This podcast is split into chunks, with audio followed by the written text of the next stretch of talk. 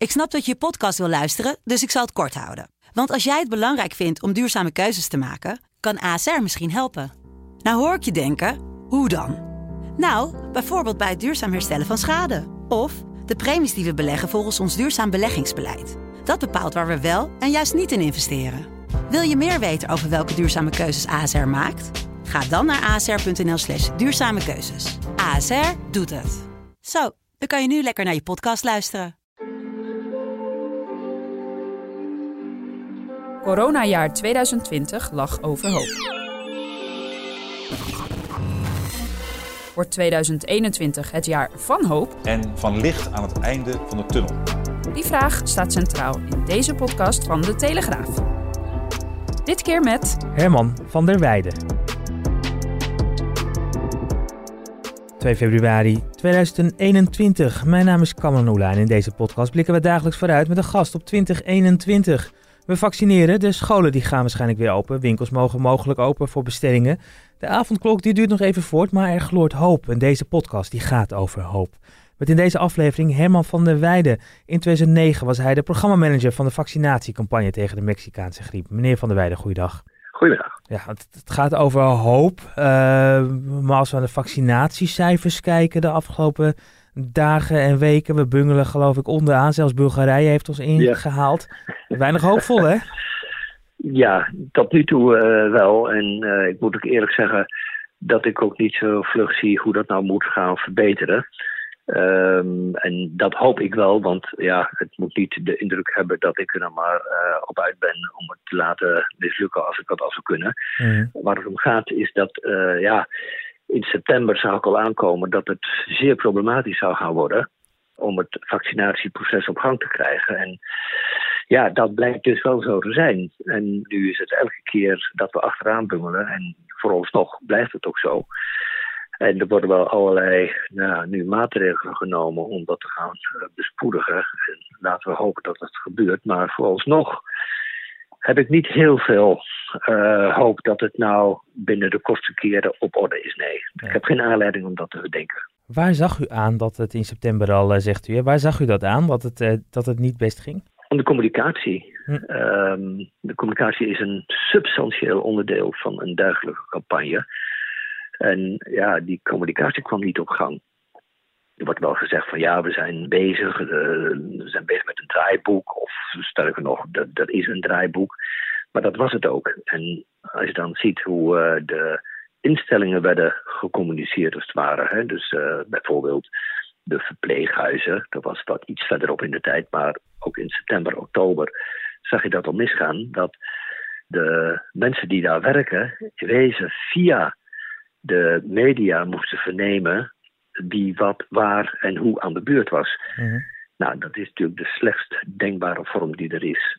En dat gaf ook allerlei gedoe van mensen, van koepels, van verpleeghuizen, dat soort zaken. Die zeggen, ja, ho even, dat gaan we helemaal zo niet doen. Mhm. Of eh, ze kunnen wel denken dat we dat doen, maar dat doen we niet. En ja, dat, dat is al heel vroeg gebeurd in dat proces. En dan weet je eigenlijk al dat de zaak niet op orde is. Nu, ehm, het- u u spreekt vanuit, uw, eh, vanuit die ervaring. Misschien ook goed om daar eh, Ja. toch even iets, eh, iets over te, te zeggen. Want ik zat het zelf niet meer zo scherp op mijn netvlies. Ik denk dat velen met mij dat niet hebben. Maar in 2009 is Nee. er dus massaal ingeënt. Nou, dat was de bedoeling. Ja, heel massaal is het niet geworden. want uiteindelijk was het niet dat nodig. Kwam, nee, dat kwam inderdaad. Eh, ik ben gevraagd in, eh, in juli, en dat was omdat ik in 2003 de pokkenpandemie draaiboek had gemaakt. Mhm. En dat was een groot succes. Dat zag ook in een massale vaccinatie van echt alle Nederlanders. Dus toen de Mexicaanse griep zich aandiende, en dat zag er zeer, zeer bedreigend uit hoor. Iedereen denkt misschien, ja, dat was een klein griepje. Nee, dat was een zeer dreigend iets. Zeer besmettelijke varkensgriep eist tientallen doden in Mexico. Op alle mogelijke manieren proberen de Mexicanen zich tegen het virus te beschermen. In korte tijd zijn tientallen Mexicanen gestorven. Ook in Nederland is een eerste geval van Mexicaanse griep vastgesteld. En het gaat om een kind van drie jaar. Een jongen of een meisje, weten we niet. We weten dat de familie op familiefeest was in Mexico. De Mexicaanse griep is uitgegroeid tot de eerste wereldwijde epidemie in 41 jaar. Ja, wat er toen gebeurde is dat de toenmalige minister Ab Klink, die besloot om vaccins in te kopen. Die bestonden nog niet, die moesten nog gemaakt worden. Maar goed, dat had hij natuurlijk goed door. Er moesten meteen voldoende bestellen. Dat had hij ook gedaan. Dus wij waren hoe dan ook van vaccins voorzien, zodra ze er zouden zijn. En ik kreeg toen de opdracht om een draaiboek te maken, omdat immers de pokken ook al gedaan had. Nou, dat heeft enkele maanden in beslag genomen en ik heb dat gedaan met uh, een stuurgroep waar alle belanghebbenden die ook maar enigszins een positie hebben in de hele wereld van vaccineren en de gezondheidszorg in zaten. En die konden telkens met hun achterban konden die kortsluiten wat er in die stuurgroep besproken was en welke kant dat draaiboek op zou gaan. Ja. En dat was fantastisch, want toen het klaar was, toen ja, was iedereen er eens mee dat het zo zou gaan moeten. Mhm.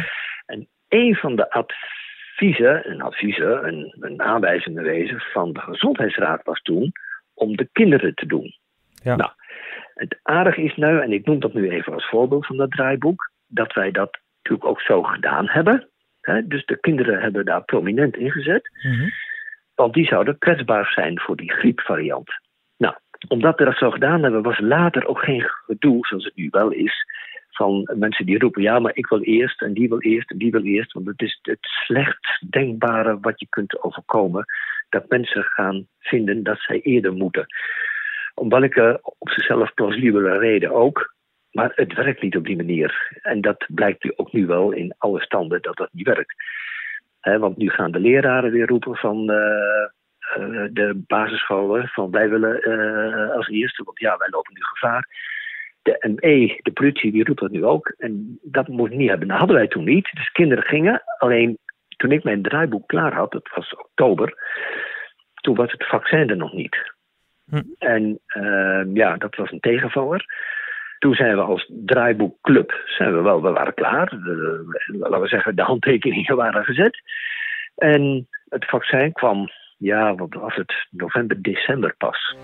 Twijfelt u nog over of u uw kind of uzelf laat inenten tegen de Mexicaanse griep? Nou, dit weekend moet u beslissen, want maandag dan begint eh, de grote vaccinatieoperatie voor kinderen vanaf een half tot en met vier jaar en hun huisgenoten. En toen bleek het virus eigenlijk niet zo agressief te zijn als iedereen had gedacht van tevoren. En dat was ook eigenlijk al een beetje overgewaaid. Toen zijn er nog wel wat kinderen gevaccineerd, dat wel. Ik weet in Rotterdam, in Ahoy, is natuurlijk nog een behoorlijke priklocatie geweest. En op andere plaatsen in Nederland ook. Alleen de vele miljoenen die we bedacht hadden en ook beschreven hadden, ja, dat is er nooit van gekomen. Dat betekende dat het vaccins zijn teruggegaan naar de farmaceuten of vernietigd. Helder. Als u nu eh, kijkt naar uh, de situatie in andere landen, hè, wordt het heel veel vergeleken, omdat wij het zo slecht doen en anderen doen het dus uh, blijkbaar beter. Ziet u nu landen waarvan u denkt, nou daar pakken ze het een beetje aan op de manier waarop wij toen in Nederland hadden gedaan? En dan kunnen we dus wat van leren. Ja, nou ja, het, het wordt meer genoemd, maar ik, ik ben er ook helemaal onder de indruk. Mm -hmm. Het is jaloersmakend hoe het in Israël gaat. Die zijn er zo strak in. Van vaccineren en niks met gezeur van die wie naar voren gehaald moet worden en achtergesteld moet worden. Gewoon kom op, prikken, prikken, prikken. Dat is de houding uh, waar we mee, mee doen. En dat is ook een beetje in Engeland aan de hand. Of een beetje, ook een beetje veel, want die schiet ook lekker op. Uh, gewoon, in Nederland is het is zo moeilijk geworden. En ja, ik weet dat aan het gebrekkige voorbereiding, gebrekkige draaiboek wat er uh, is. Omdat dat daar niet in uitgemaakt is. Het begon met dat uh, gezondheidsraadadvies om de oudere kwetsbaren te vaccineren mee te beginnen. En dat dat opzij gelegd is en een eigen koers is gevaren. En ja, dat, dat moet je niet doen. Dat, dat, dat, dat, ik snap het. Echt. Ja. je moet het niet doen. Maar nu wordt Israël, we hebben, we hebben in deze podcast ook onze correspondent daar gesproken, die overigens deze week de tweede prik haalt en dus uh, uh, klaar is. Hij wel. Um, maar hij gaf ook aan, ja, Israël wordt ook een beetje door de farmaceuten als een soort testland gezien. Hè? Het is overzichtelijk aantal mensen. Het, het, het, is, het is al maanden afgesloten van de buitenwereld. Uh, dus, dus, dus is het daarmee ook helemaal goed te vergelijken? Ik vind van wel. Kijk, natuurlijk hebben ze wat voordelen, maar het grootste voordeel is dat het niet een politiek issue is geworden. mensen hebben gewoon de noodzaak gezien van een snelle vaccinatie. En uh, anderen proberen het politiek te maken door te beginnen over de rol van de farmaceuten. Mhm. Door te beginnen over de, de positie van de Palestijnen. En daarmee toch weer politiek te maken. Mhm. Maar als we daar even niet in meegaan, dan doen ze het gewoon steengoed. En, en ik vind dat Engeland het ook steengoed doet. Ik ben altijd onder de indruk van Massa Levy uh, als Nederlander in Londen. Hoe hij daarmee omgaat, ik, ja, hoe hij erover spreekt, ja, zo moet je dat doen. Nederland is een, een, een, politiek proces geworden. En dat is ook mijn grote bezwaar. En, en hoe de vracht er nu voorhangt. Dat um, het, het draaiboek was te zwak kennelijk. Mhm. Die kon je makkelijk aan de kant schuiven. En er spelen er steeds politieke issues een rol. En dat is zo slecht. Dus mijn, mijn advies is ook, als ik dat al mag geven, haal de politiek er tussenuit. Doe dat niet. Dat, dat, dat zet er een entiteit boven, of weet ik veel waar, die niet politiek gemotiveerd is, maar alleen een motief heeft om zo snel mogelijk iedereen te vaccineren. Ja. Dat is wat je moet doen. En zolang die politiek erbij zit, zie ik het allemaal niet gebeuren. We zijn uh, deze podcast begin van het jaar begonnen met de gedachte een beetje hoop. Hè. We vaccineren nu ook. Uh, die begonnen toen ook, dus uh, laten we hoopvol zijn. Nou, nu Ja. de luisteraar die de afgelopen twaalf minuten uw verhaal heeft gehoord en ook eerder waarschijnlijk bij ons in de krant heeft gelezen, misschien wel denkt, Ja. oei, oei, oei, oei, oei. Heeft u nog Ja. iets hoopvols? Ja, nou ja, kijk, uh, uiteindelijk zal het uh, goed komen. Alleen wat we hopen, uh, natuurlijk met z'n allen, en wat op zichzelf best zou kunnen, dat we in juni, juli klaar zijn ermee. Maar ja. dat is de hoop die we hebben. Ja. Maar de werkelijkheid, zoals ik hem zie, eh, mogen we blij zijn als dit jaar allemaal afgehandeld wordt. En dat is niet alleen doordat er een gebrek aan vaccins is, maar ook omdat het georganiseerd is zoals het georganiseerd is. Mhm. Dus als we het over hoop hebben, ik hoop juni, juli. En dat vind ik nogal uh, ruim gegeven, zou ik bijna zeggen. En ja, ik, ik, ik, als ik geen andere signalen krijg, dan heb ik toch een donkerbruin vermoeden dat we wel richting uh, het eind van het jaar gaan, of zelfs daar overheen. En dat vind ik heel treurig, gelet op de draconische maatregelen die we met z'n allen moeten ondergaan. Ja. En, en, en dat, dat maakt ook dat ik mij hierin ben gaan bewegen. Van ja, wij als burger, als, als ondernemers in Nederland, we, we worden echt zwaar in de hoek gezet. Prima, prima, als dat moet, doen we. Maar dan mag je ook verlangen, vind ik, omgekeerd, dat dan die vaccinatie heel snel gaat.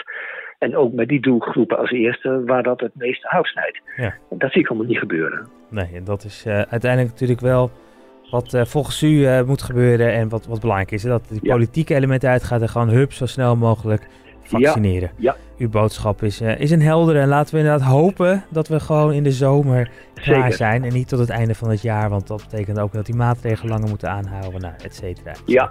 exact. Ja, Herman van der Weijden, uh, de man die als programmamanager betrokken was bij de vaccinatiecampagne tegen de Mexicaanse griep in 2009, hadden we nu uh, in deze podcast aan de lijn. Dank u wel. Zeer graag gedaan. En uh, u bedankt voor het luisteren. Morgen dan zijn we er weer met een nieuwe aflevering. Dan weer meer hoop. Nog meer hoop zou ik haast willen zeggen.